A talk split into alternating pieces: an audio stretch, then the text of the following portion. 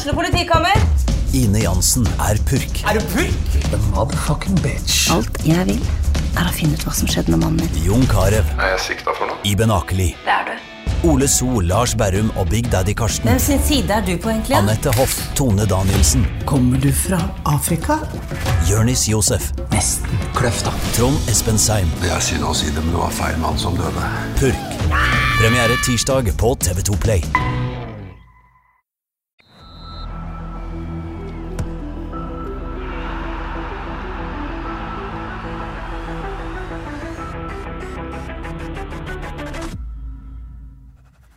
Hei og velkommen til episode 67 av Frelst. Tror jeg i hvert fall. Mista litt oversikten i sommer, men vi er endelig tilbake fra en eh, lang og høyst frivillig pause, vil jeg si. Men uh, mitt navn er Terje Flateby. Velkommen, Odd Kåre Grøtland. Tusen takk, Terje. Uh, har du nytt denne Frelst-pausen? Du har en ganske lang pause, du har, for du har liksom lengre pause enn meg. Om jeg har nytt den? Ja, det må jo være lov å spørre om det. Syns det har vært deilig å ha fri fra podkaststudio? Ja, Har du savna å sitte her? Ja, både og. Det var kjekt å være tilbake. Men det har vært en veldig fin sommer. Ja, så så har jeg fått en del eh, tilbakemeldinger på at folk savner podkasten. Ja, vet Det du er jo kjekt. Det har jeg òg. Det syns jeg er superkjekt. Eh, Johannes Dale Husbø, velkommen til oss. Tusen takk. Eller velkommen. Ikke bare til oss, du er jo på en måte blitt nesten en del av inventaret. Ja, er jeg det? Ja, det kan vi snakke Sånn om off record. Nei, ikke off record. Jo, faktisk off record. Nei da. Du er, du er så godt som en del av inventaret. Men eh, fin sommer. Veldig bra. Har du fått også varsla om at uh, Frelst har vært savna, eller? Ja. Nei, Vel- skulle du svare? ja det, det skjer jo på Twitter da, etter Ja, kamper, sånn at folk eh, savner denne praten, og det er veldig hyggelig. Og jeg må jo si det, jeg, at nå som jeg har uh, fått vært med noen ganger, så kjenner jeg på den der uh, cravinga sjøl, at jeg liksom får snakket om uh, Snakka ut liksom. Ja, det er det. Så jeg har, eh, det, opps, det har oppstått et behov jeg ikke visste jeg hadde med å være med, Hei. og så fratas en det.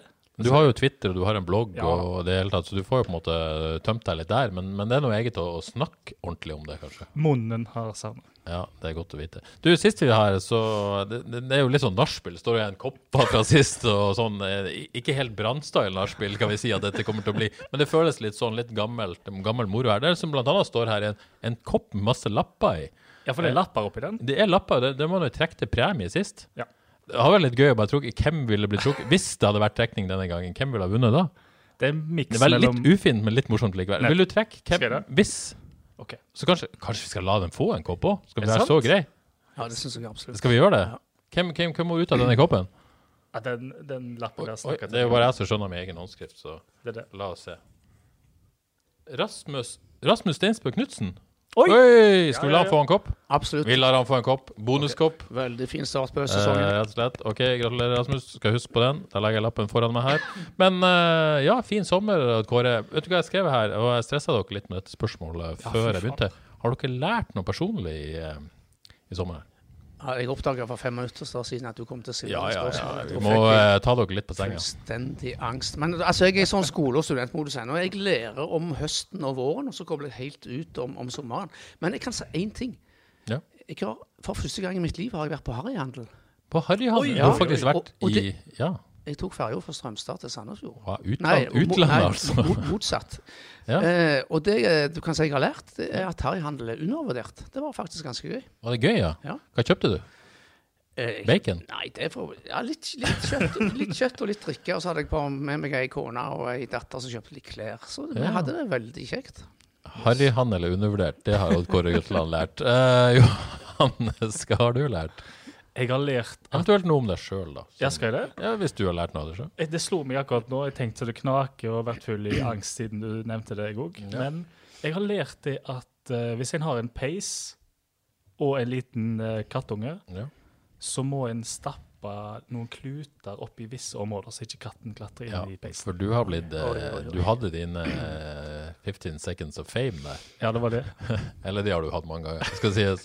Men eh, rett og slett en pus fast i peisen. Ja, rett og slett. Og du ble en eh, nyhetssak. Jeg husker ikke om vi har snakket om dette i podkasten Nei, det tror jeg ikke vi har det, for jeg tror dette var etterpå. Men eh, trivdes du i rampelyset som pusebø? Med sånn husebø og pusebø?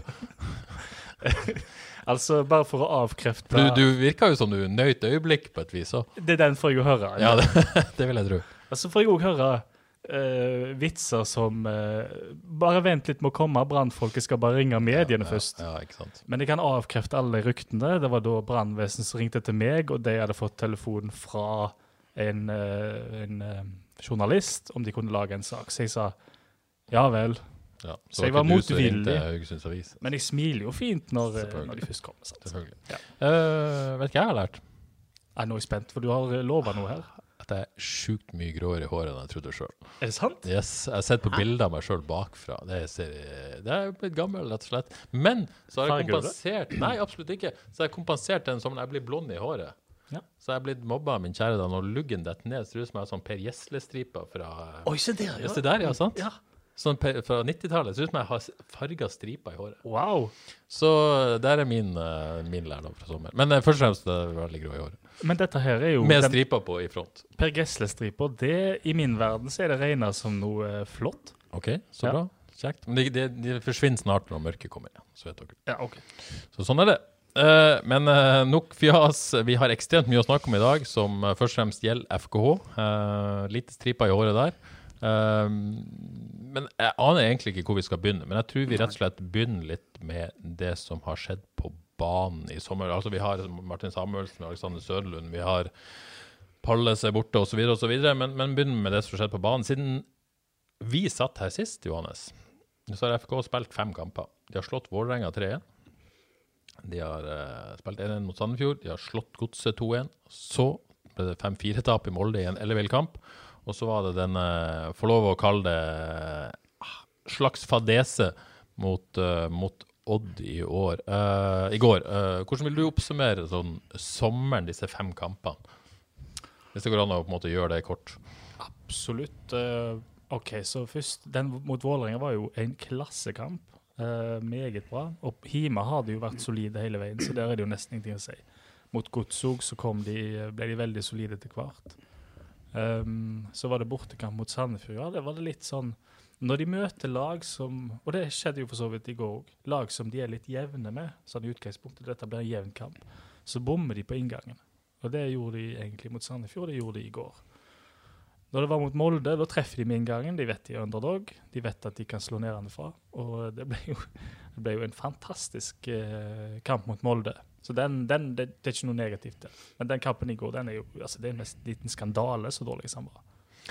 Ja, hvor er Johannes inne på det? Er det liksom, hvis vi oppsummerer sommeren, så er de eh, veldig gode hjemme, veldig dårlig borte. Og så er det dette med å, å være favoritter i kamper som man rett og slett eh, takler dårlig. I løpet av sommeren har han bare fått bekrefta det inntrykket vi hadde før sommeren. Er Veldig veldig gode hjemme. De to hjemmekampene de har spilt nå mot Vålerenga og Strømsgodset, var jo kjempegode. og Det ga jo oss litt forventninger til disse bortekampene. Men det er, det er samme greia igjen, dessverre, må vi si. Vi husker jo best det siste. Og den kampen i går, den var, den var ikke, ikke bra. Ja, for det, for det jeg tenker jeg har jo måte fulgt det litt i distanse i sommer, selvfølgelig. Men, men etter den seieren mot Godset tenkte jeg nå- er liksom uh, sky is the limit. eh, Samuelsen, Sørlund på vei inn, og den, den, eh, den formen man er i. Man så på tabellen og begynte å tenke medalje og sånt. Eh, hvor står man nå, da, etter dette tapet mot Odd? Men, men det er jo bare, det er bare fire poeng opp til Kristian Sund på fjerdeplass. Nei, på tredjeplass. Hvor, hvor står man nå? Nei, Ja. Nei de, jeg mener de står fortsatt med begge beina i, eh, i medaljestriden. Altså Nå har de eh, tre kamper eh, som kommer nå, hvor eh, ni poeng er i teorien eh, sannsynlig. Vi hjemme mot eh, Lillestrøm, borte mot Brann, hjemme mot, uh, mot Sarpsborg. Eh, det er kort, kort vei opp. Altså Med, med en normal bortestatistikk eh, så hadde FK vært på andre eller tredjeplass i dag. ja. Eh, Litt men- unormal hjemmestatistikk da, som balanserer. ja, og så hadde de vært normale på hjemme, så hadde de vært øh, på si på. Så du kan se det på, si det på mange måter. Men Ja. klar, klarer de knekke denne koden borte, og det må de jo klare etter hvert, så, så er, det fortsatt medaljekamp vi snakker om. Men vi skal, vi skal snakke Vet du hva, Vi skal komme inn på den bortegreia etter, etter vi har snakka om kampen. Men, men litt generelt uh, utvikling av laget. Um, det er jo litt merkbart at det virker som noe har skjedd etter at Mikkel Desler dro. Det må være lov å påpeke. Det må være lov å si. Ja, og så, og så så jeg litt sånn gøy på dette helt kjapt. Uh, jeg hadde jo trodd, uh, når Mikkel Lesler og shit for et offensivt tap for FK, men at man defensivt ja, så Han er jo selvfølgelig, var jo selvfølgelig god defensivt, men, men trodde at, at det var den minst problematiske biten av å miste Mikkel Lesler. Men, men, uh, men, eh, det viser at man har vært ekstremt sårbar bakover etter uten Mikkel Lesler. Eh, han spilte jo på en måte det var én kamp han sto over før han dro. Og det var borte mot Mjøndalen. Da tapte de 3-0. Eh, og så og så er det jo lite grunnlag. da. Det er bare fem kamper i år de ikke hadde Mikkel Lesler med. Men, men med Mikkel Lesler fra start så har de sluppet inn 0,6 mål per kamp. 0,6. Uten Mikkel Lesler 2,8 per kamp. Det er. Er, er, det, er, det, er det tilfeldig, eller er det Hva er dette for noe? Nei, det kan ikke være helt tilfeldig. Kan jo også nevne at på de ni første kampene så holdt de nullen i seks av de. Ja. nå har de sluppet ni mål på de to siste. Og så er jo ikke Mikkel Lesler eh, en alene, men, men variansen her er jo helt ekstrem, Johannes. Er, er, det noe- er, er dette Mikkel Lesler, eller er det andre ting? Jeg tror jo jeg tror det er mye Mikkel Lesler, jeg. Eh, og jeg tenkte litt det samme som, som deg, med at defensivt så er det ikke sikkert at de taper så mye. Men de taper mye defensivt fordi han var så viktig del av det oppbyggende spillet. sant? Nå, vet, nå klarer de ikke å sette spillet ordentlig, syns jeg. Iallfall ikke på bortebane uten Mikkel Desler. De er så vant med å finne han, så finner han Sandberg, eller finner en indreløper, eller hva det skal være. Og så har de spillet av han. Han er så regna med langs hele høyresida. Nå, sånn som i går, altså Har du sett maken til famling? Det, det, spillet ble ikke satt noen ganger. Det var helt tilfeldig hva som skjedde. Så Nei, det har Jeg tror det er en det er en miste offensivt med tap av Desler. Det gir store utslag defensivt. Og så er det et eller annet med, med en høy, Når man har en høyreback som Mikkel Desler, så må jo motstanderen også ta hensyn til det taktiske uh, spillet. på en måte, Hele dynamikken blir annerledes. Nå trenger man kanskje ikke ta det hensynet når man er motstander lenger, på samme måte. Uh, og, og det er lettere å på en måte oppnå et trøkk kanskje på FK enn enn- enn uten Mikkel. Jeg tror det, jeg tror, men jeg, altså jeg tror jo i det på lengre løp så tror jeg kanskje Tore P klarer å erstatte altså, noenlunde. Så det er ikke det. Men det er løye når det, liksom, det er en liten endring i strukturen. Så altså hvis én spiller er ny eller skifter posisjon, så kan jo sidemann bli litt usikker på hvordan den eh, spilleren spiller. Den usikkerheten gjør at sidemann kompenserer litt og spiller det annerledes. Og så gjør den usikkerheten sidemann der igjen får, på hvordan den nye måten den spilleren spiller. Og så, for, og så forplanter det seg en slags følgefeil av usikkerhet og nye måter å spille på. Men det, man uh, spurte jo etter lytterspørsmål i går. Det er mange som Daniel Carlsen spør om det på Instagram. Hva har skjedd med Forsvaret, liksom? Det, og, og Laffen inne på det på Twitter. Er det så enkelt at det er Desler? Tore Katla er også veldig opptatt av Desler. Livet etter Desler. Blir det sånn som livet etter Sondre Tronstad var så ekstremt vanskelig å erstatte over natta? Det vil ta tid, og vi må bare ha litt tålmodighet med det. Er det er det? det? Ja, det kommer til ta. Jeg er helt enig med Johannes. De har mista trygghet og en kraft offensivt, så en går over, over på, utover tryggheten eh, defensivt. Samtidig så har jo Tore Pedersen, mens Desler spilte, vært veldig veldig god defensivt på, på, på venstresida. Så, så totalt sett så har, så har de mista en del her. Men jeg, jeg tror òg, som allerede sagt her, at Tore Pedersen på sikt kommer til å bli en veldig god høyreback. Så vi må være litt tålmodige. Men det, men og altså, det, det kollektive defensivet vi så i går altså det, det er lett å henge ut enkeltspillere når det går dårlig defensivt, men eh, det henger mye sammen her. og Det, det kollektive òg var jo altfor dårlig. Ja, vi skal, vi skal rett og slett eh, gå inn på kampen i går, for vi har allerede vært inne på det. Vanskelig å, vanskelig å la være. Eh, jeg vil jo si at FK på ett vis, til tross for bortefarmen, var litt sånn knappe favoritter mot et Odd-lag uten Bakenga. Så, et Odd-lag som ikke har vært all verden uten Bagenga så langt i år. Hvis vi begynner med laguttaket, da. Eh, eh, Odd Kåre, du varsla før helga og fikk det bekreftet på lørdag. Alexander Stølås var ute med en ankelskade. Um, Beslutninga der Ja, skal vi si det? Eh, ja, jeg, jeg, var jo helt sikker på at uh, Bojang skulle inn på, på høyrebekk. Ja, det skrev jeg også i Han- min fått, eh, eh, så fått, laguttaket. fått eh, signaler om at han er best på høyrebekk, Ja. og at Tore vil over på, på venstrebekk, så han har mestra veldig godt før. Eh, Så det var veldig overraskende. Men det første jeg tenker vel, ja OK, yes, eh, her skal Tore få, få drille seg på høyrebekken. Det, det syns jeg er, er bra at de gjør det. Men med, med fasiten i hånden her nå, så, så ble, det, ble det feil. Ja, eh, Johannes, enig, ble det feil? Ja, det gjorde det. Altså, jeg tenker mm, Og hvorfor ble det feil? Ja, jeg tror treneren har tenkt sånn. Jeg, altså Her er det tre hensyn vi må velge mellom. Det er hensynet til Tore Pedersen. Um, og flytter han nok en gang, selv om han er tålmodig, så tror jeg det kan gå utover hvordan han tenker om, eh, eh, om å være fotballspiller i FKH. Han, har, han er så eh, bra og er så lojal og er så tålmodig at det å drive og flytte på han mye, det, jeg tror det er mye å tape på det egentlig. Sant? Det har de helt sikkert tenkt på. Og så er det hensyn til, til Bojang, som kom inn, er ny. Skal han da i tillegg få en ganske ny posisjon å spille i? Det er ganske risky, det. Um, det har de helt sikkert tenkt på. Og så har de tenkt på laget. Hva er det beste for laget? det beste for laget vil vel sikkert de fleste tenkt i forkant at det er Tore Pedersen på venstre bekk og Bojang på høyre bekk. Men jeg tror de har valgt å tenke at OK, vi gir posisjonen til Tore Pedersen. Nå får han bare være der og uh, bli den superbekken vi håper han skal bli, og så satser vi på at Bojang klarer seg der. Det ble nok det som ble valgt da.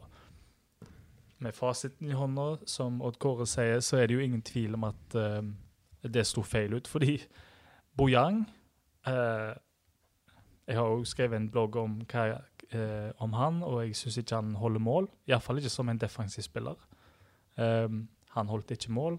Men Tore Pedersen holdt jo ikke mål, han heller. Det var jo det som var overraskende, da. Det var litt løye å se han spille på den måten. Han var så ofte inn sentralt i banen, og det ble utrolig rom på sidene der. Um, men bare for å avslutte den, da. Jeg syns jo at det å uh, vise hensyn til Tore Pedersen, det kommer de til å tjene på på sikt. Fordi um, jeg tror det hadde vært mye å tape på å flytte på han nok en gang. Det tror jeg ikke de skal gjøre. Rett og slett, Jeg tror de skal dyrke han der, selv om de gikk til helsike i går. Så tror jeg de skal dyrke han som høyrebekk nå. Men det store spørsmålet da som slår meg Jeg, jeg skjønner jo hensynet til Tore, men fortsatt syns jeg at man skulle gjort det valget som var best for laget, og det tror jeg hadde vært det motsatte. Men, men, men anyway, det, det, store oppfølgingsspørsmålet da, er Bojang henta inn som hva da? Er han henta inn Hvis Tore skal reindyrkes på den høyrebekken, eh, er Bojang henta inn som backup til Tore? Er han henta inn som noe annet enn en back, eller ser det for seg at han skal kunne spille venstre back? Hva, hva, noen som har et svar på det? For jeg er tilbake fra ferie i dag og har ikke dette svaret. Uh, vi fikk jo et tydelig signal i går om at han er henta inn som backup på, på, på, begge sider. Men signalene er jo ganske klare på at han, han er best eh, på høyre back, så litt, litt sånn litt sånn usikker der. Faktisk. Burde man ikke i så fall hente inn en som er best på venstreback? Fordi at uh, Ulrik Fredriksen kan meget godt være mm. cover på Hvis man får inn en stopper, da, som vi skal komme tilbake til. Nå skal vi ikke gå inn for altfor langt i denne diskusjonen heller, men, men jeg syns det, det, valget var litt rart. Um, Også med tanke på det. Jeg, det, jeg, vil kalle det desperasjon, jeg. Ja, og jeg, I min spillebørs i går, som i etterkant tenk, var litt snill, nesten, men, men mm. så, så, føler jeg at, uh, at Så skrev jeg også at dette må trene altså, du kan ikke laste denne kampen på Bojang, fordi at han blir satt i en vanskelig situasjon i sin debutkamp. Ja. Uh, og dette må trenerne ta sin del av ansvaret for. Um, jeg vil si det at uh, markedet, det å finne en venstreback som er OK, er utrolig vanskelig. Jeg har prøvd litt på det sjøl, og bare se hva som fins. Um, det er veldig vanskelig. Men det fins. men det er klart, når en begynner å lete i det en spiller forsvinner, så blir det jo ekstra vanskelig, fordi en har, da hadde en fem forsvarsspillere, og du må ha en, en back umiddelbart. Eh, Bojang har blitt tilbudt til de fleste klubber i Eliteserien, vet jeg. Um, og de tok en sjanse. Det var gambling. Uh, det kan vise seg at han blir bra, men jeg tror ikke han blir bra som, uh, som sideback. Iallfall ikke som venstreback, og jeg tviler på som høyreback. Jeg tror hans potensial er som offensiv spiller, som høyrekant. Jeg tror at som back så holder ikke han eliteserienivå. Jeg tror uh, han fort spiller i Obos uh, om et par sesonger. Um, om han ikke blir flytta fram som en offensiv spiller. Så jeg vil kalle det å hente Bojang uh, desperat. Mm. Uh, jeg har ikke sett noe på Yang til å vurdere overgangen. Du sier det, Joakim Jonsson var også veldig skeptisk til, til overgangen. Uh, men, men, tanken til FK må jo da være, hvis man ikke skal hente enda en back, at disse tre skal, skal dekke de to mm. back-posisjonene. Men ut fra det jeg så i går, da, så vil jeg jo heller ha Tore Pedersen som backup til Stølås enn en Bojang. da. Men det blir jo spennende å se hva som Jeg vet ikke hvor lenge Aleksander er ute, men, uh, men om han kan være tilbake til helga allerede. Vet du noe om det? Nei, det vet jeg ikke, men det Nei. så ikke ut som det var en alvorlig skade. Nei. Eh, ellers var jo laguttaket som venta. Um, vi skal ikke snakke altfor mye om kampen, for det var uh, forferdelige uh, greier. Men, men Kåre, hvordan oppfatta du sånn kampen generelt? Hva, hvorfor gikk det så galt som det gjorde? Nei, jeg, jeg, Bortsett fra det vi har vært inne på. Nei, underveis så ble jeg litt, litt irritert, for jeg følte både på 1-1 og på 2-2 at dette var en kamp som FK hadde litt kontroll på og, og, og kunne, kunne vinne. Så slipper de inn et mål to minutter på overtid i, eh, i første omgang. Der skulle for øvrig FK hatt et klart frispark i angrepet før på Kristoffer Welde. Da ble jeg enda mer irritert. Eh, og så på på 2-2 føler jeg òg at FK så, så på sett og vis eh, styrer kampen. Og det er vel da Benji slår det frisparket og gir vekk eh, et, et nytt mål. Eh, altså, altså, ja, de slipper inn, eh, slipper inn altfor lette mål og eh, dumme tidspunkter. Men jeg, jeg følte, satt hele veien med følelsen lenge at dette var en kamp FKH hadde store sjanser til å vinne hvis de hadde prestert på normalt, normalt eh, nivå. Men det gjorde de ikke. Det si. gjorde de ikke. Det, kan vi, det, var, det endte opp med å bli en svak kamp av FK, dessverre, totalt sett. Johannes, din vurdering av, av kampen på et vis? Mm. Nei, jeg syns de bommer med inngangen igjen. Jeg synes som de gjør når de møter eh, likeverdig motstand. Altså, jeg tenker Odd eh, er i hvert fall ikke i flytsonen. De har vel tapt to kamper på rad og sluppet inn en haug med mål. Og nå har de i tillegg eh, mista Bakenga. Hvordan en da ikke går ut i 100 for å prøve å straffe et usikkert lag, eh, det forstår jeg ingenting av. Det gjorde de jo faktisk litt eh, mot Molde. De visste at Molde var slitne, så de kjørte på. Og det var så nære på at de fikk betalt for det. De burde fulgt samme oppskrift. Istedenfor så la de seg eh, sånn halvlavt og avventa litt for å se hva som skjedde. Og da fikk jo Odd spilt på seg den sjøltilliten de ikke skulle spille på seg.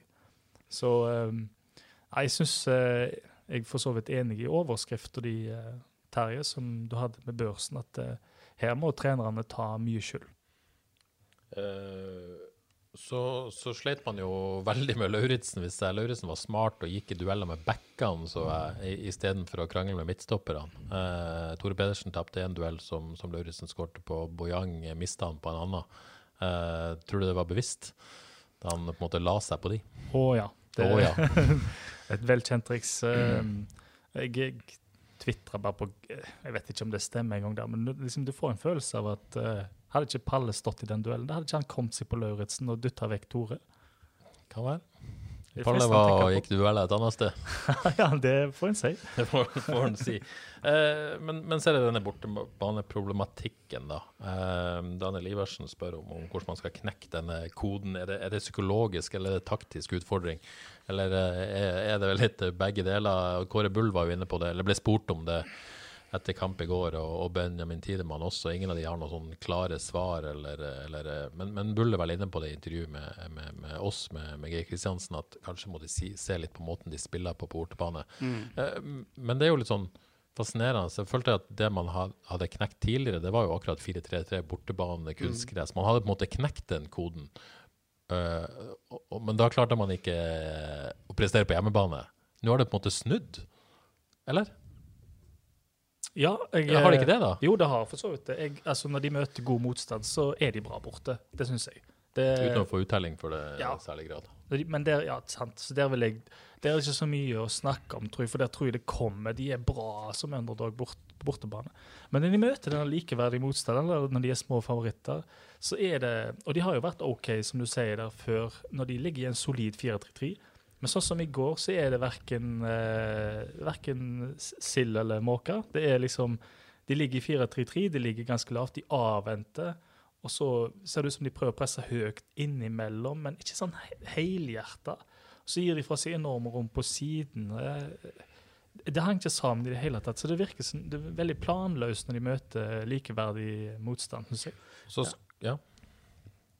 Ja, nei, jeg mener jo, eh, som Nils Arne Eggen mente i alle år, at hvis du skal bli veldig god, så må du eh, reindyrke måten du spiller på. Spille på samme måte både, både, både hjemme og borte. Men nå er jeg faktisk eh, som Bulle litt i tvil her om de kanskje bør, bør gjøre noen, noen grep taktisk og, eh, og på bortebane. Men, men eh, dette er først og fremst mentalt, tror jeg nå. Så jeg, jeg lurer litt på hvor han Ørjan Alendal Kallevik er hen. Han må på jobb. Han, Han han, mentale treneren som vi skrev om i, i, i vinter. Jeg snakket litt med Kristoffer Welde om det etter treninga på fredag. Da sa han at de hadde ikke hatt noe, noe med denne mentale treneren om dette borte, borteproblemet. Nei. Så det overrasker meg litt. Ja, det, er ikke, det er ikke sikkert det. Altså, det er jo en sånn uh, greie der hvis man begynner å snakke om det, så gjør man det pro til et problem, det- da. Uh, Nå skal ikke jeg uh, Aner ikke hvorfor de ikke har snakka om det, og hva de snakka om der, men, men det er jo noe med det, da. Det er ikke sikkert de at, måtte ønske å se på det som et problem ennå. Nei. Eh, Nå, fordi at, ja. Svar, nå kommer Jakob med spørsmålet. Han skulle ha svar på hvordan en skal fikse bort barnekomplekset. Han, Daniel Iversen. Jeg, vil si, jeg vil si det at um, Jeg syns FKH er dårlige når de, ligger, når de er sånn eh, mellomaktige i måten å gå inn i kamper på. Hvis, de er, hvis de møter tøff motstand, så ligger de stort sett som eh, og venter og er tålmodige og kompakte. Eh, og så klarer de eh, Så gjør de eh, hjemmelaget usikkert. Altså de som er bedre enn de i utgangspunktet på uh, usikkert. Med jevnbyrdig motstand så ofte så er det ligger de og avventer, men ikke kompakt nok. Så jeg tenker at de må gjøre, ta valget. Altså Enten så må de ligge og være kjipe, sånn som de er på, mot bedre lag, eller så må de gå hardere ut fra start og eie kampen. Ikke sånn det der mellomgreiene, det kler ikke FK, syns jeg.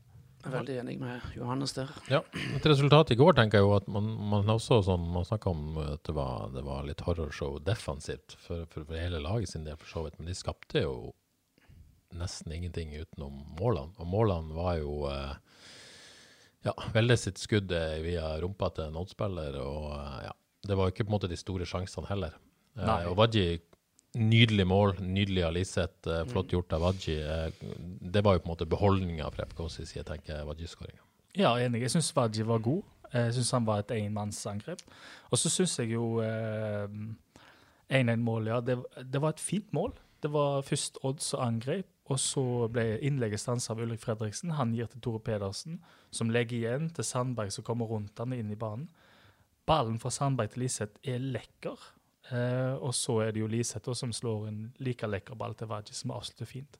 Så det var et veldig fint eh, angrep der på eh, 1-1. Men som du sier, det var ikke mange av dem. Vaji ble ganske alene til tider. Og, Det ble veldig lang avstand. Ja, det ble det. Mm.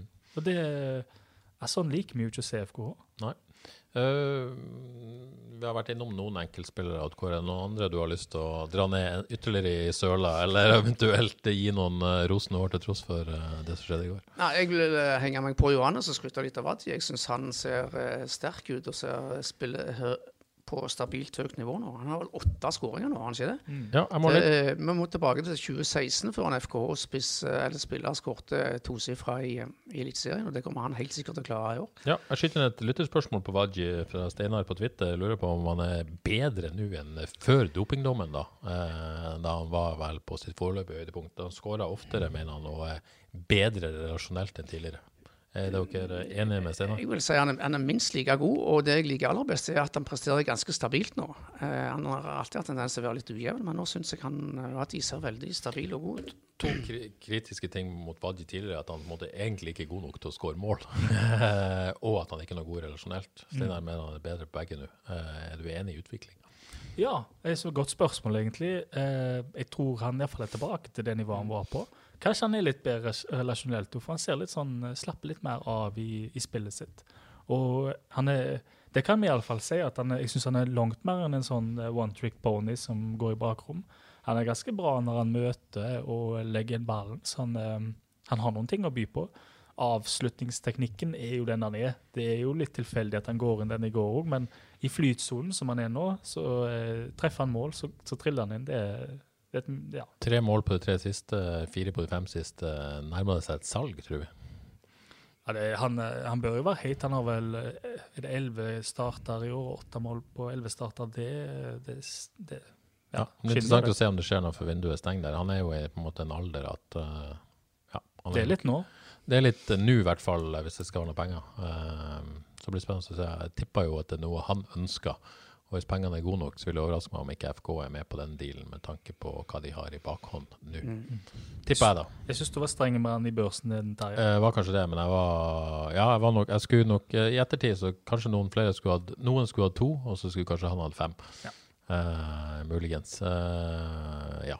Um, noe mer om kampen i går? Er det noen Altså, jeg syns jo på en måte Bekkan sleit. Jeg syns jo Fredriksen sleit voldsomt. Uh, Krygård kom aldri skikkelig inn i kampen. Terkelsen var omtrent usynlig.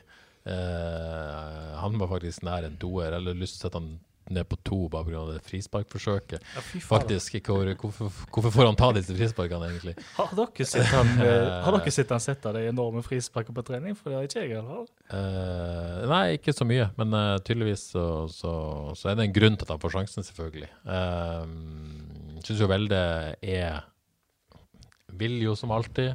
Uh, er jo scora, så kan jo ikke ta fra han det. Men, men fikk jo egentlig ikke til så veldig mye. Men jeg føler for Kristoffer har heva båndnivået sitt i forhold til tidligere i sesongen.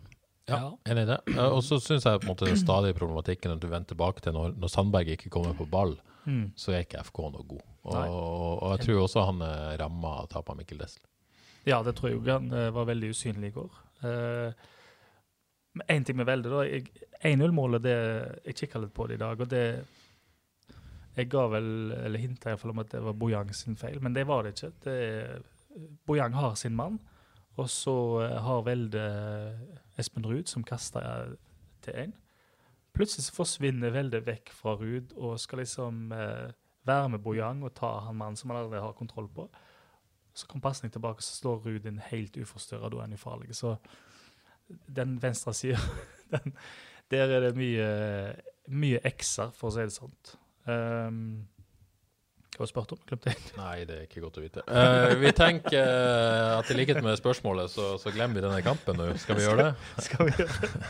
uh, Men jeg, kan jeg bare skyte en der? Egentlig, jeg. Ja. Jeg, tror, vet, jeg formulerte den bare litt dårlig sist. Men det med det med én endring i laget, det tenker en gjerne at ja, ja, det går sikkert bra. Men en ser jo der når, eh, når Bojan kom inn som venstreback, hva slags ringvirkninger det gir. Og jeg tror det er snakk om ringvirkninger. De er så usikre på han, og det gjør sidemannen usikker. Og så må han gjøre nye ting, og så må sidemannen der gjøre nye ting. Og det syns jeg eh, det synes jeg forplanta seg så voldsomt. sånn at du så, du kjente ikke, Jeg kjente ikke igjen FKH skikkelig i går, rett og slett.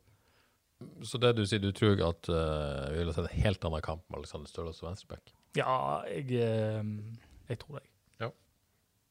Ja, det blir veldig spennende å se en ankelskade, ikke sant, Oddgård, som, eh, som Jo, han ga seg sånn halvveis på treninga på fredag med en, med en vond ankel. Eh, Så Så vi eh, håper for hans del at han er tilbake mot Lillestrøm. eh. ja, veldig kjipt hvis han får et skadeavbrekk til her nå. Vi skal komme tilbake til det. Før vi skal snakke om Lillestrøm, så må vi snakke litt om hva som har skjedd på overgangsmarkedet i sommer, som jo har vært, eh, og er, den store snakkisen, vil jeg si, så lenge det er åpent. Eh, hvis vi begynner med de som har forsvunnet. Vi har altså eh, sagt farvel til Mikkel Desler. Uh, FK har også solgt Fredrik Spallesen Knutsen uh, Snufs, Snufs, sier jeg, uh, til begge to, for så vidt. Uh, er Kristoffer Gunnarshaug forsvunnet til, til Ullkisa. Um, Eh, Jeg skal ikke gå i detalj på de, men, men, eh, men totalen, da. eh, Det å si Desler, da. Er det noen som på en måte ikke forstår at man sa ja til den overgangen? Altså, jeg- Kan FK kritiseres for å sluppe ham, og for så vidt ta Palle i samme sammenheng? Eh, Kan man kritisere klubben for det? For det ser jeg at enkelte gjør. Eh, jeg syns at det var OK å slippe, altså isolert sett, å slippe Desler og få penger fra han. Eh, kanskje en OK sum òg, og sikkert kanskje noe OK videresalgsgreier. Isolert sett, helt topp. Han ville videre, Mm. fikk sjansen. Helt fin. Ja, for det, det er liksom Ja, han kan ikke erstattes. Ja, de har ingen klar, altså, de har Tore Pedersen bakom. Altså, det er no-brainer på et vis. Er det ikke det, da? Jo, det, altså, det er sånn, FK, Altså, sånn det er sånn FKH driver og skal drive og må drive. Så den er Ja. Men eh, ja, så langt så ut. Men hvis en utvider den litt ja. um, det jeg lurer på, da, er jo Holder en ting varmt her eh, i sommer og mens vinduet ikke er åpent? Her ryker Desler ut, og så ehm, kommer Bojangen. Det er ikke en overgang de har planlagt, det er jeg helt sikker på. Så det jeg tenker da ja, men når du sier det, da. mm, Tror du ikke de har tenkt at Mikkel Leslie kan forsvinne i sommer? Vi har noen navn på lista som en potensiell back. Jeg er så utrolig skeptisk der, fordi Altså, jeg, jeg vil jo overraske meg om enormt jeg, jeg vet ikke dette, men det vil jo overraske meg enormt om de på en måte ikke har en slags plan. Men hvordan ender en da opp med um, Bojang? Jeg, jeg, og der må jo jeg bake inn, da. Jeg skal ikke hogge han helt ned, men jeg syns ikke han er bra nok i Eliteserien. Og eh, jeg syns det er desperat å hente han. Og jeg tenker da at uh, en har sikkert kikka. Eh, har et stort nok nettverk. Er det å ringe en kontakt i Danmark? Er det å høre med Imadella Amici? Eh, og er det det? Um, fordi det fins plenty med bekker som eh, eh, er mye mer spennende, og som ved, med hjelp av å ha et bredt kontaktnett og holde ting varmt, sant, og finne ut kan, hvis det skjer, kan dette skje, etc. Jeg, jeg, jeg mistenker at det ikke er blitt jobba hardt nok for å, for å være klar hvis det skulle skje. Det, det blir en påstand, men Ja, Påstanden er at klubben ikke var godt nok forberedt på, på Desler-avgangen, helt klart. med tanke på hvem de har henta inn som erstatter. Jeg mener det. Ja, Nei, det, var, det, det vet man jo ikke. I hvert fall ikke. Eh, men, men eh, Og det er jo på en måte tidlig å slå fast at Bojang blir en, eh, en flopp, men, men, men man er der man er, og man kan mene det man mener akkurat nå. Det er jo det eneste man kan gjøre. Hvor, hvor gammel er Bojang? 2-23? 23. Mm. Um, Syns syns vi skal gi han litt tid. Han ser også en god fotballspiller med, med bra fart og brukbar teknikk. Men uh, disse defensive kvalitetene får vi stille spørsmålstegn ved foreløpig. Men vi må gi han litt tid, Johannes. Jeg har lyst til å se han Vet ikke. Vet ikke om vi skal gå inn på det, men uh, Hvorfor er han defensiv? Jeg, jeg skjønner ikke det, jeg. Altså, han, har jo, han back i det hele tatt? han er jo ikke, har jo ikke defensive fibre. Jeg, jeg, begriper ingenting av det. Og når du ser, Han hadde et par, han hadde en langpasning til Waji, som Waji eh, fikk mye ut av òg. En skikkelig fin pasning. Jeg har sett han en del på video når han kommer seg, eh, spiller wingback og kommer seg fri på høyresida. Han slo noen overraskende fine innlegg. Så hva i alle dager Hvem som har fått ideen at han skal være back, det lurer jeg på. For jeg tror han er, jeg tror han er en skikkelig bra, eller kan være en skikkelig bra høyrekant. Med den enorme farten og med en OK innleggsfot. Hva mer skal en ha, da? Så kan vi Bojang på høyrekant og Niklas Sandberg på venstreback. Det er det jeg mener. det er akkurat det jeg vil ha. Jeg tror ikke Niklas Sandberg vil ha det. ja, men så når han kom ned? Han så, Ja, ja. så ut som en trygg fin venstreback. Slo et godt innlegg. Nydelig innlegg til, Ja. til Mats Sande der. Nei, få det på. Det på. Uh, så har du Palle, da. Uh, personlig så syns jo jeg det var mm, holdt på å si trist, da. Uh, liker Palle veldig godt både som, som, som fyr. Har alltid stilt opp for oss, alltid levert for oss.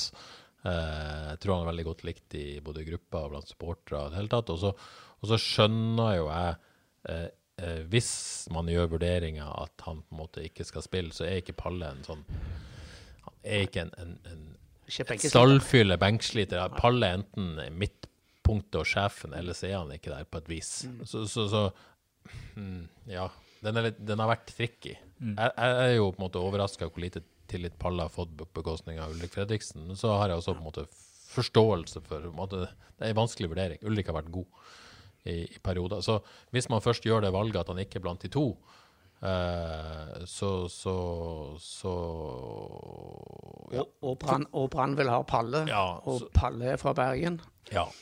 Men jeg tror jo det, det hvis, hvis noen sitter her og tror at, eh, at eh, Fredrik Pallesen Knutsen desperat ville til Brann og ikke ville bli i FK, så tror jeg det er feil. Ja. Jeg tror, Hadde han fått et kontraktforslag fra FKH, eh, det er en stabil eliteserieklubb, han liker seg i Haugesund. Eh, Jeg tror det er ingen hemmelighet at han skal bli pappa. Han er samboer med ei fra Haugesund. Jeg tror Hadde det kommet til et kontraktsforslag, og Palla blitt satset på FK, så tror jeg han hadde sagt glatt nei til Brann. Tror jeg. Det er, jo, det er jeg helt sikker Så hvis noen er i tvil om det, så er det i hvert fall det er min mening. Så får noen protestere på det. Han hadde signert for FK hvis han hadde fått tilbud. Er vi. Ja, underforstått at han har blitt satset på, da. Ja. Ja. Uh, og mm, ja. Jeg syns det er trist, fordi at uh, ja. Ja, jeg, er- helt enig. Jeg er vemodig, egentlig. Jeg, jeg, eh, Og så så vi på ballet i går. ja, det det. Var helt nydelig. å Ja, se. ja, ja. Det er det. Jeg tenkte, jeg satt at, uh, Nå sitter jeg og tenker på, for min del iallfall, sitter bare og tenker hva slags egenskaper fotballspillere har ferdigheter, la, la, la, la, la. Altså, teori passer inn, la, la, la. Så tenker du ja, ja, OK, det er mulig å forstå at han, uh, at han er på benken, og, og den biten der. Og det er mulig å forstå uh, at de velger å se, på en, se en annen vei. Men plutselig så blir du liksom slått av eh, at det forsvinner en fantastisk eh, fyr og et fantastisk menneske. Og eh, en som du elsker å se på Haugesund stadion eller hvor det nå er, og bare være der og vinne dueller og være forsvarsspiller med store bokstaver. Så det var, jeg ble nesten overraska over at uh, over min egen uh, tristhet over det. Um, men når det er sagt, da um, Hvorfor er en ikke klar her, da? Ja, det, det er jo det neste spørsmålet. fordi at eh, Hvis man måtte helt sånn følelsesmessig, emosjonelt og altså Mange grunner til å forstå at dette gikk som det gikk. Eh, men nå står man da igjen med to midtstoppere. Eh, det bør ikke gå veldig mange dager nå før at man har inn en midtstopper igjen. Man kan ikke gå lenge med to midtstoppere. Uansett om Petter Terkelsen kan spille midtstopper, eller Kevin Martin Krüger, eller eh, hvem nå enn, Tore Pedersen for den saks skyld. Det er jo ikke sånn at de har bøttevis med dekning på bekkene heller, det har vi akkurat snakka om. Så her må noen på jobb, og det er fort. Jeg tipper det kommer inn ei denne uka, jeg. Ja. Um, Men selv om det gjør det, så er det stadig, i mine øyne, amatørmessig. Fordi hvis en har uh, Hvis planen hele tida har vært at Palle sannsynligvis da ikke får fornya kontrakt Ja, men så må de jo ha en, en stopper fort som fy, da. Altså eh, i god tid før Palle forsvinner ut dørene. Men hvis du sier tank, tanken at Palle har blitt her ut sesongen, da forsvant etter sesongen, som man nesten kunne tro at kanskje potensielt planen var da hvis han ikke ble solgt. Eh, men det uansett en stopper burde bli henta i sommer for å på en måte klargjøre den fasen der. Det er et helsike å komme rett inn i laget, og jeg tipper spesielt som forsvarsspiller. Så jo hvordan det var for uh, Bojang i går. Um, så det å komme inn rett inn i laget altså Det, er det er altfor mye å forvente av en spiller. Og jeg, jeg skal ta i bruk et eh, litt hardt ord nå. Jeg syns det er amatørmessig at uh, en holder på på denne måten. At en venter, venter så lenge uh, til at spillerne er godt før en gjør noe. Det er ikke måten å drive en klubb på. Og hvis jeg skal s ta lupa litt lenger ut, òg, så sitter jeg nå igjen. Det er bra at lokale helter vender hjem, og det, det er veldig kjekt. Og den offensive pakken er helt fantastisk. Men nå har en altså fire forsvarsspillere, da, eh, i mine øyne, da, for jeg bor i regning som offensiv. Og så har en eh, hva har en? fire-fem spisser og eh, en, en haug å ta av der. Så, og Søderlund Å, herregud, så kjekt at han er hjemme. Men det går jo en måned før han er klar, trolig. Og da, da må jeg, Hvis en ser på troppen, da, er han balansert? Hvis en stiller det spørsmålet? Det er helt umulig å komme fram til svaret ja på det. Ja, altså, jeg, har skrevet dette. St st- står igjen en veldig ubalansert tropp etter dette vinduet. Naust, jeg skal bare få nevne de som har kommet inn. Naustdal har kommet inn. Samuelsen, Sørlund og Bojang. Eh, eh, det er ingen tvil om at man er underbemanna i den defensive delen eh, her. Men, men så er det sånn eh, jeg, tenker at man, man kan jo kritisere eh, kanskje valget av Bojang. Eh, kan man kritisere. Man kan kritisere at det ikke allerede er en stopper på plass, så kommer jo kanskje det denne uka. Eh, men jeg syns det er vanskelig å kritisere hadde man henta inn en, eh, en danske, dansk 33 år gammel spiss og en eller annen altså, Men det er Samuelsen og Søderlund på et vis. Det som på en måte syns jeg eh, gjør at det er ikke så lett å kritisere, de har på en måte henta hjem disse. De ville virkelig gjøre det. Og, og det er vanskelig å på en måte både hylle dem for å hente dem og kritisere dem for at troppen er ubalansert. hvis du skjønner. Så handler det kanskje litt om økonomi òg. Når man har på en måte lagt en del penger i potten til Samuelsen og Sørlund, så må, måtte man kanskje være sikker på å få ut Palle, få ut tesler før man kan fylle på. da. Er det noe der? Jeg har lyst til å dele, å, eh, jeg har lyst til å dele den opp litt. Jeg, jeg syns det å, eh, få en Søder 100% korrekt, helt perfekt. Han eh, blir forhåpentligvis, sannsynligvis, ut eh, karrieren sin i FKH. De kommer til å få bruk for nettverket hans, de kommer til å få bruk for han som menneske. Får sikkert en rolle i klubben, etc., etc. Og ikke minst, han er en spiss som skårer mål, og som er en fysisk tilstedeværelse som løfter hele laget. Altså, Signeringen av han, i mine øyne, da, det, er- det er gull. Så har du Martin Samuelsen. Hva er hans beste posisjon? Er det spiss? Kanskje. Lenge siden han har skåra mål. Funker han på kant hvor det trengs dekning? Jeg vet ikke helt. Hvor lenge skal han bli? Nei, halvannet år. Det er en løgn greie, syns jeg. Det er en kort kontrakt. Eh, Det er en spiller som en ikke er helt sikker på hvor er, hva hans beste posisjon er, hva han kan levere framover. Det er veldig kjekt med de, når lokale kommer hit, men jeg, jeg er litt kritisk akkurat til den overgangen, for jeg syns ikke den gir helt mening. Og da tenker jeg, hvis det har stått i veien for det å få inn en forsvarsspiller, en stopper, inn tidlig her så Altså, jeg sier jo ikke at det gjør det, men man kan tenke det. at Ja, det sant. måtte gjøre ting. Og da, da, da, i tilfelle så kan en jo òg holde eh, dialogen og kommunikasjonen med Palle eh, gående, og det forstår jeg har vært fraværende, og jeg vet Palle har vært skuffa over det. Det kan jeg vel si. Um, sant? Så kan jeg holde dialog med han at uh, vi kommer nok til å slippe deg, sant? Og da kan han få snakke med andre. Og så må de være tidlig ute da og få inn denne stopperen som eh, får på trening, blir kjent med lagkamerater, måten FKH spiller på, får prøve seg litt eh, noen minutter på, på, eh, i kamp etc. Og gjøre det ordentlig. Nå blir det sånn hastegreier alt. og hvis en ser på det uten følelser, for å si det sånn, uten lokale følelser, så er det helt, det er helt umulig ikke å komme fram til at uh, den troppen henger ikke helt på greip. Den henger ikke helt på greip, men jeg, mener, jeg er jo uenig med Johannes her. da. Jeg, jeg syns det å hente Martin Samuelsen hjem er en uh, relativt no-brainer når det er muligheten, selv om troppen, selv om det går utover nå. Jeg tror på en måte den kostnaden man bare må ta hvis, hvis det har kosta noe på et vis. Selv om det er kort kontrakt? Ja, ja og, men jeg, jeg, jeg, jeg syns òg kontrakten er kort, men det er jo oppside her. da. Hvis han kommer tilbake der han var eh, før han dro ut igjen, uh, ja, og tipper at man kanskje har et Adji-salg i bakhodet her òg, så da er man jo faktisk i forkant, sånn som man uh, vil at de skal være. Nesten i over i forkant. ja, det kan man si. Så, så, så um, Eh, jeg er ikke enig i at FK-ledelsen eventuelt, hvis det er det du gjør, kritiserer det for å hente Martin Samuelsen tilbake. Nei, tvert imot. Jeg, jeg, må spesifisere eh, hente han inn på så kort kontrakt. fordi Hvis han gjør det bra, så må du jo allikevel bare slippe han eh, gratis. Da, sannsynligvis. For han vil ut igjen. Når du skriver en så kort kontrakt, så vil du garantert ut igjen. Så han er hjemme for å snu. Det er sånn jeg ser på det. Ja, øh, det vet vi ikke. Uh, det blir veldig spennende å se. Hvis han, uh, hvis han lykkes, uh, så ja blir veldig spennende å se. Men det er jo ingenting så langt.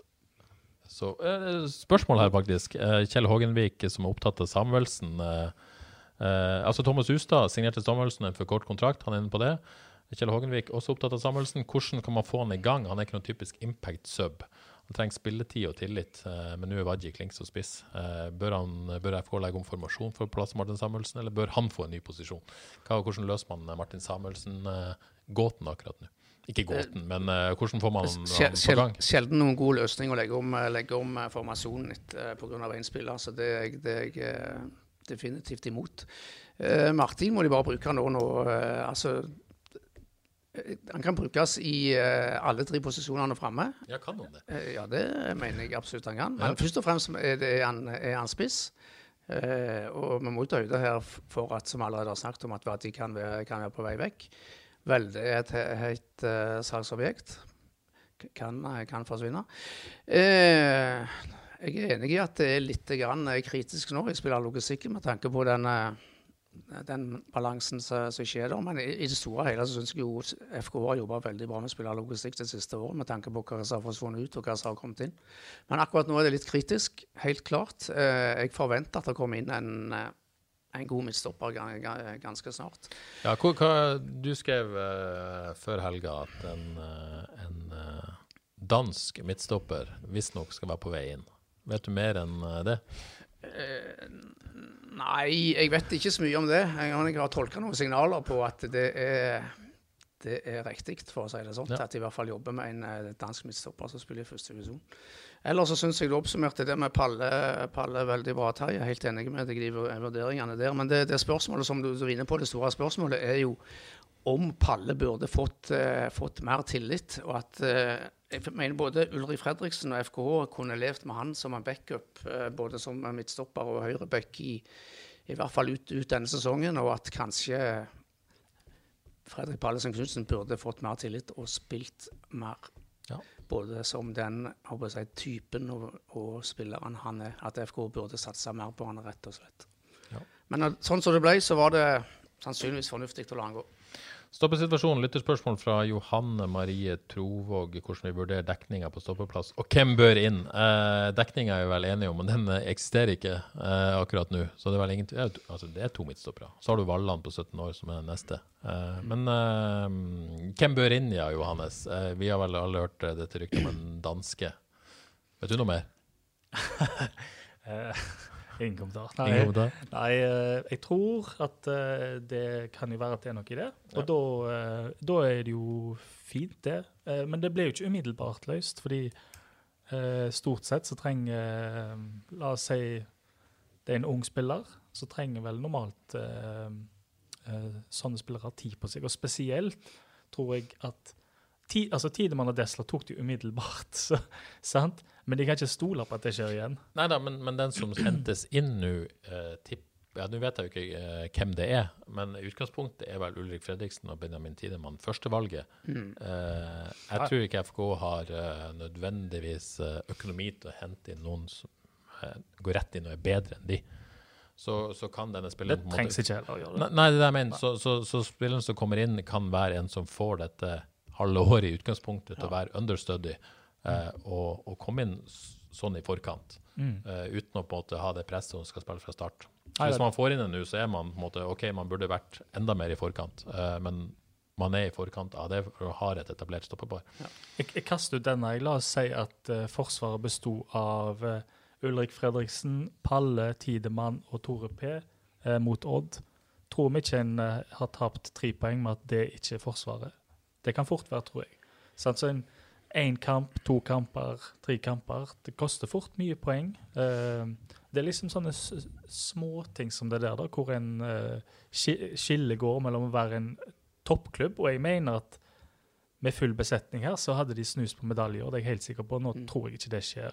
Nå havner de litt bak det. Og det er pga. måten de har eh, jeg vil si disponere disponerer troppen på, hvordan de håndterer det å selge spillere. Men det er jo et poeng oppi dette her at eh, Benjamin Tidemann også er på utgående kontrakt, er han ikke det? Absolutt. Hva hvis, Eh, eh, F- det kommer ikke til å skje, men hva hvis FK får et tilbud på to millioner på Benji i dag? Sant? ja da. Det, men det, det gjør det jo ikke. Nei, det sa jeg, det gjør de ikke. Det gjør det ikke, men det, det er klart at, at det kan jo komme en sånn palle-like sit situasjon Ja. der man får et bud som, som gjenspeiler den verdien som faktisk er i kontrakten, og den er ikke så mye. Men, men Eh, som man må ta stilling til, men jeg tror det skal ekstremt mye til for at de slipper Benjamin Tidemann på noe som helst vis eh, nå. Det vil- Da vil de sette seg sjøl i en veldig vanskelig situasjon, og, og um, da tror jeg det skal vel mye penger på bordet som ikke kommer til å skje. Tror jeg.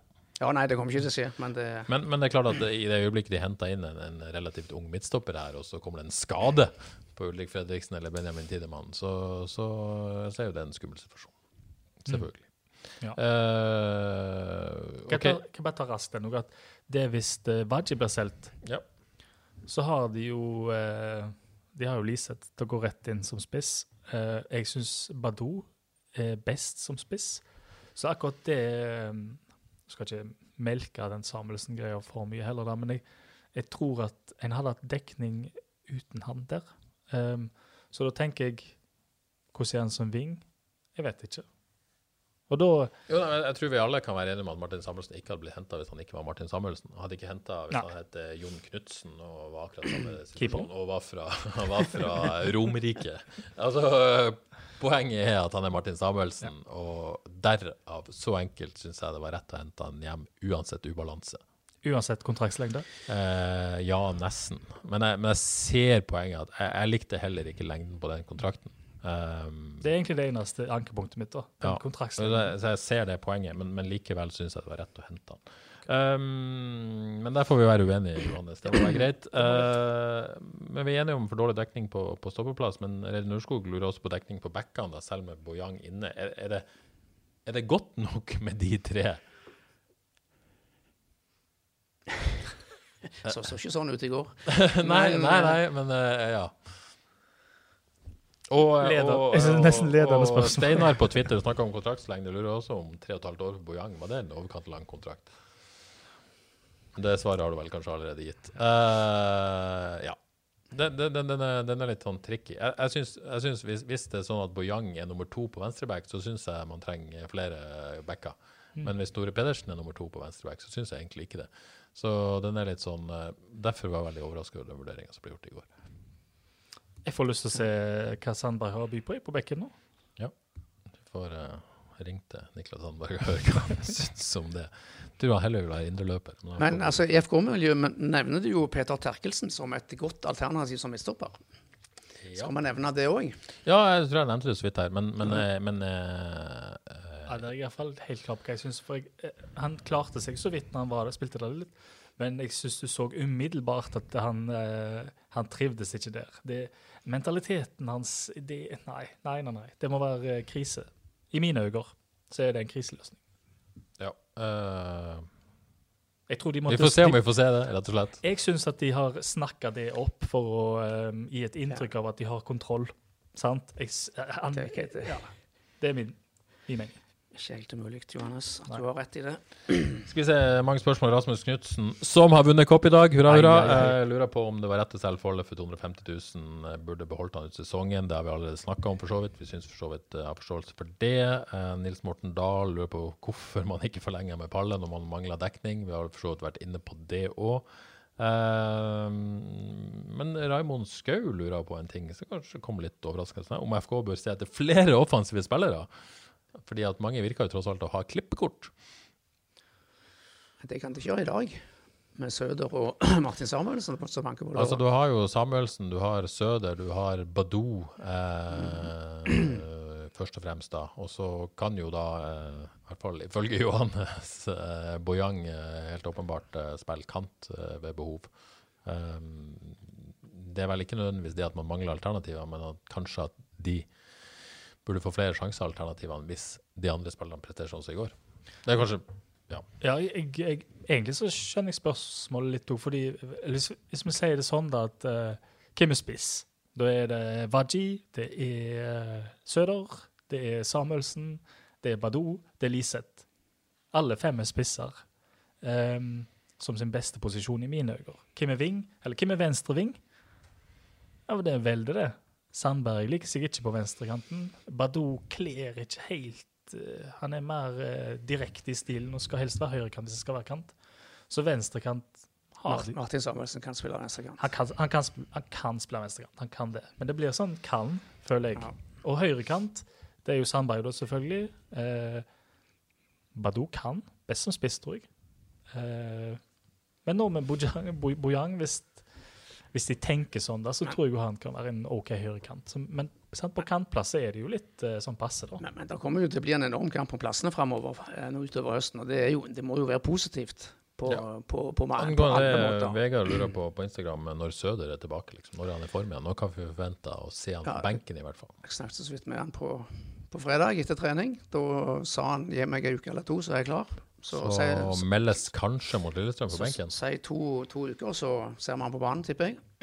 Ja. Um, nærmer oss eh, Ja, eh, la oss snakke litt om Lillestrøm før vi gir oss uh, Eller tar de siste lytterspørsmålene. Uh, det er jo ingen tvil om at FK må slå tilbake. Man er tilbake på hjemmebane, der man har eh, 6-1-0. Det er ganske sterk statistikk. Hva var uavgjort mot? Var det i serieåpninga mot Stabæk? Stabæk, ja. Eller i første hjemmekamp? Ja. Før det, før det ble Fort. Haugesund Før det ble? Fort Haugesund. Eh, Lillestrøm, altså, som har hatt en veldig god sesong etter de la om til tre bak, vel, var vel vendepunktet for de. Eh, Tapte hjemme mot eh, Bodø-Glimt i går. Eh, er vel ivrig etter å slå tilbake. Det er FK også. Eh, ja, hva tenkte du om kampen? Er FK favoritter med det hjemmebanestempelet de har fått? Ja, jeg tror de er favoritter mot alle lag utenom Glimt Molde Ja. på hjemmebane nå. Er utrolig Rosenborg akkurat nå. De har vel eh, funnet formen på et vis. Ja, men de Men, ble, eh, de ble visst kjørt, de ble kjørt ganske bra mot Mjøndalen, så um, ja, jeg er ikke helt sikker på den. Nei, men favoritter så vidt uh, mot Lillestrøm, i hvert fall. Det, det, det er de med den hjemmebanestatistikken. Og en utrolig, i mine øyne, en vanvittig spennende kamp, for dette er uh, mine to lag som jeg har på en måte um, før sesongen spådde, trodde at kom til å gjøre det bedre enn antatt. Og foreløpig ser det jo iallfall sånn ut med Lillestrøm, og FK ser jo for så vidt sånn ut med det òg, så jeg gleder meg veldig til den kampen. Et revansjelysten FK-lag mot Ja. et LSK som kanskje har overprestert litt. Jeg tror de har vært gode, altså, men uh, nå Ja, møtte det har de. Ja, de, uh, men nå møtte de tøff motstand i Glimt, som er plutselig inne i gullkampen igjen nå. Men Veldig inne i gullkampen. Eh, Mm. Lillestrøm, Lene Olsen selvfølgelig har vært fantastisk eh, over tid nå. Gjermund Aasen har vel funnet fram en slags uh, Tromsø-form igjen. Ja. Ja. Kjempespennende kamp. Men kan vi se fram til neste bortekamp på Terje, da når det, det endelig skal lykkes for FK å vinne på bortebane? Da det skal snu, og det skjer i Bergen. Bergen. Brann borte ja, er neste jo, bortekamp. Uh, da tror jeg vi må til Bergen. FK vinner vel alltid mot Horneland, gjør de ikke det? Har du god statistikk?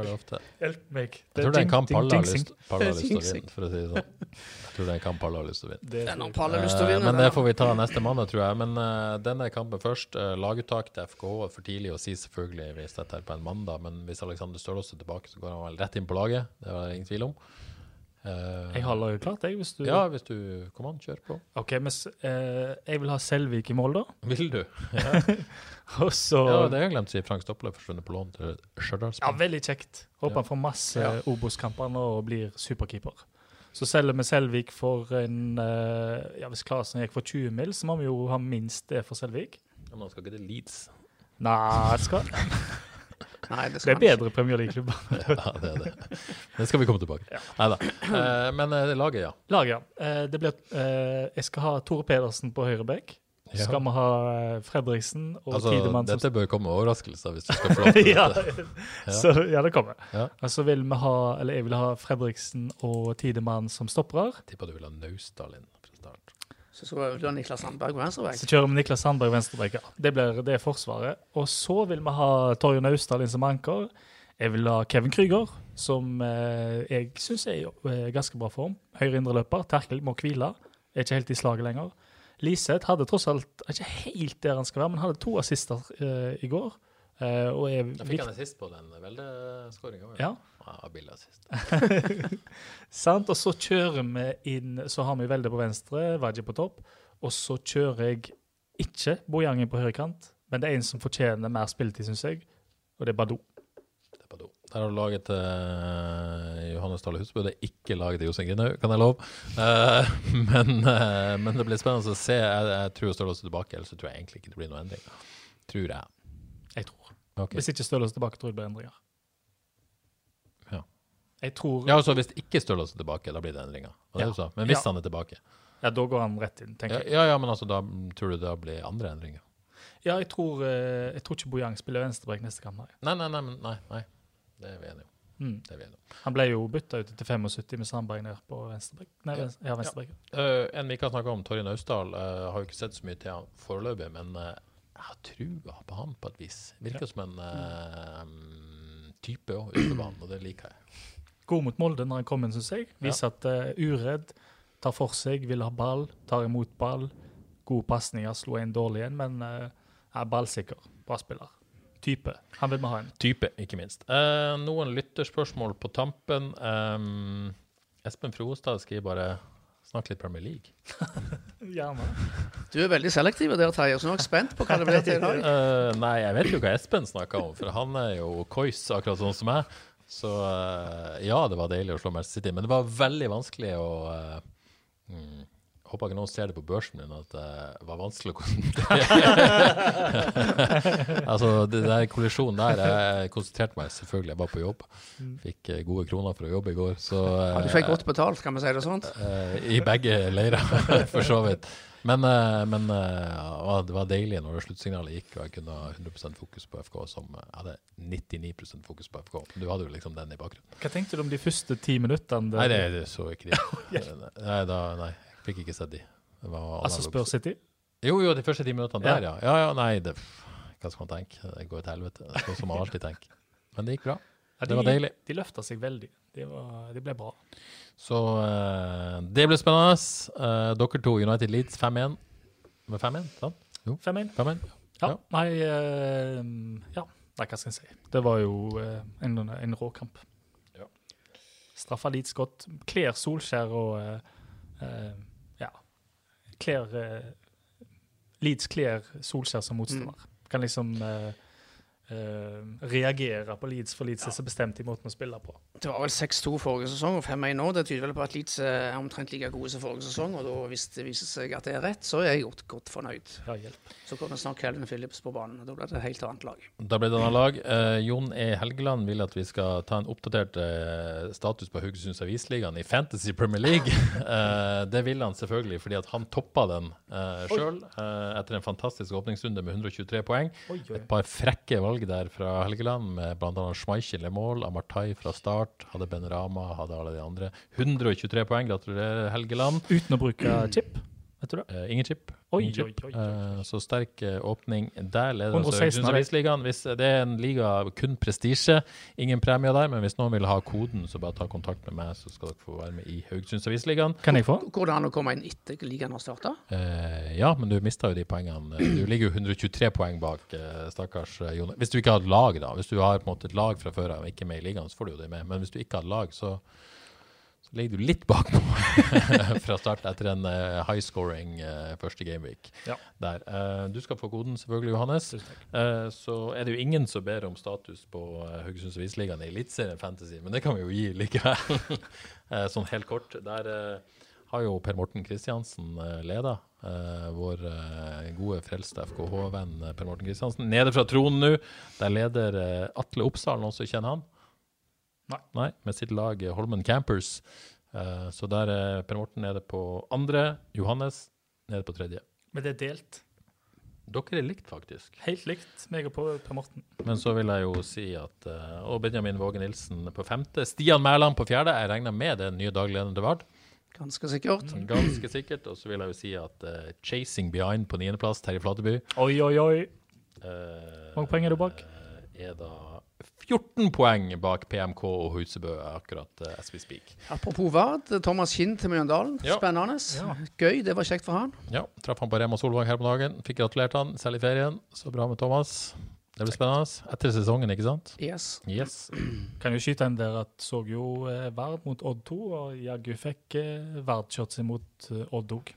Ordentlig på hjemmebane. Det var et godt Odd-lag. Det var det. Men Vard var jo under par i dag. Ja, og en shout-out til Kolbjørn Fosen, som jo må jobbe døgnet rundt som nå trener på både Vard og Valsnes. Eh, Men eh, fikk seg en god serieåpning for Liverpool, så eh, Men når det gjelder Premier League, altså, alt tyder på at det blir en fantastisk spennende eh, liga i, i toppen. Altså, I motsetning til i fjor, hvor City stakk av. Jeg ser for meg at det blir et rotterace mellom fire, kanskje fem lag. Terje. kanskje. Det blir ikke Tottenham, men eh, det tabelltipset til Haugesunds Avis i ferien skandale. Tenk å ha Arsenal foran Tottenham. Hæ? Skandale. Ja, det er skandale. Jøtland, tar du ansvaret, eller er det Kristiansen som Arsenal-supporter som har pressa det Kan ikke si at det var Kristiansen som tok den. Basert på første runde, så eh, vet vi allerede nå at det var en feil.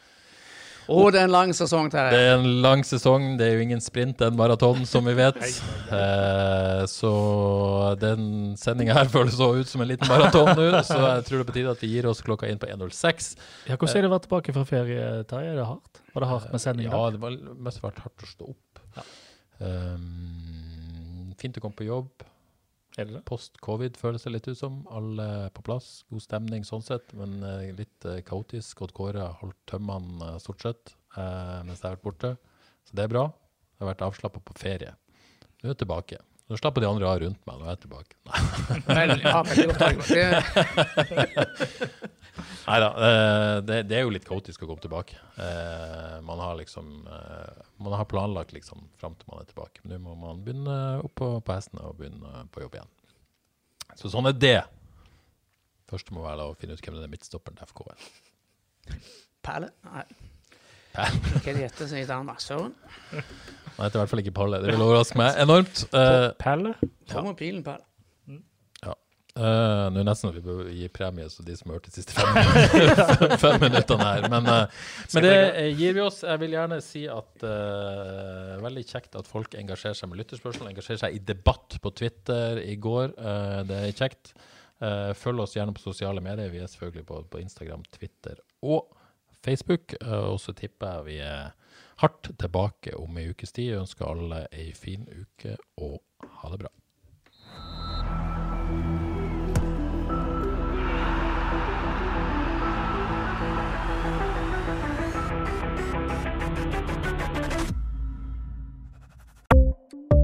Ukens annonsør er HelloFresh. HelloFresh er verdens ledende matkasseleverandør og kan være redningen i en travel hverdag. Mange av oss har nok vandret i butikken både sultne og uten en plan for middagen, som ender med at vi går for de samme kjedelige rettene gang på gang. Middag burde være dagens høydepunkt. Som HelloFresh kan du nå velge mellom 25 ulike retter hver eneste uke, eller få HelloFresh til å sette sammen menyen for deg. Dette gir deg muligheten til å prøve nye og spennende retter alene eller sammen med familien. Du velger antall porsjoner og får alt levert på døren på et tidspunkt som passer for deg. Oppskriftene er enkle, og maten er lett å lage både for store og for små. Ved å få alt levert hjem får du også mer tid til å dele matgleden med familie og venner. Kanskje det frister med asiatiske tacos eller greskinspirert kylling?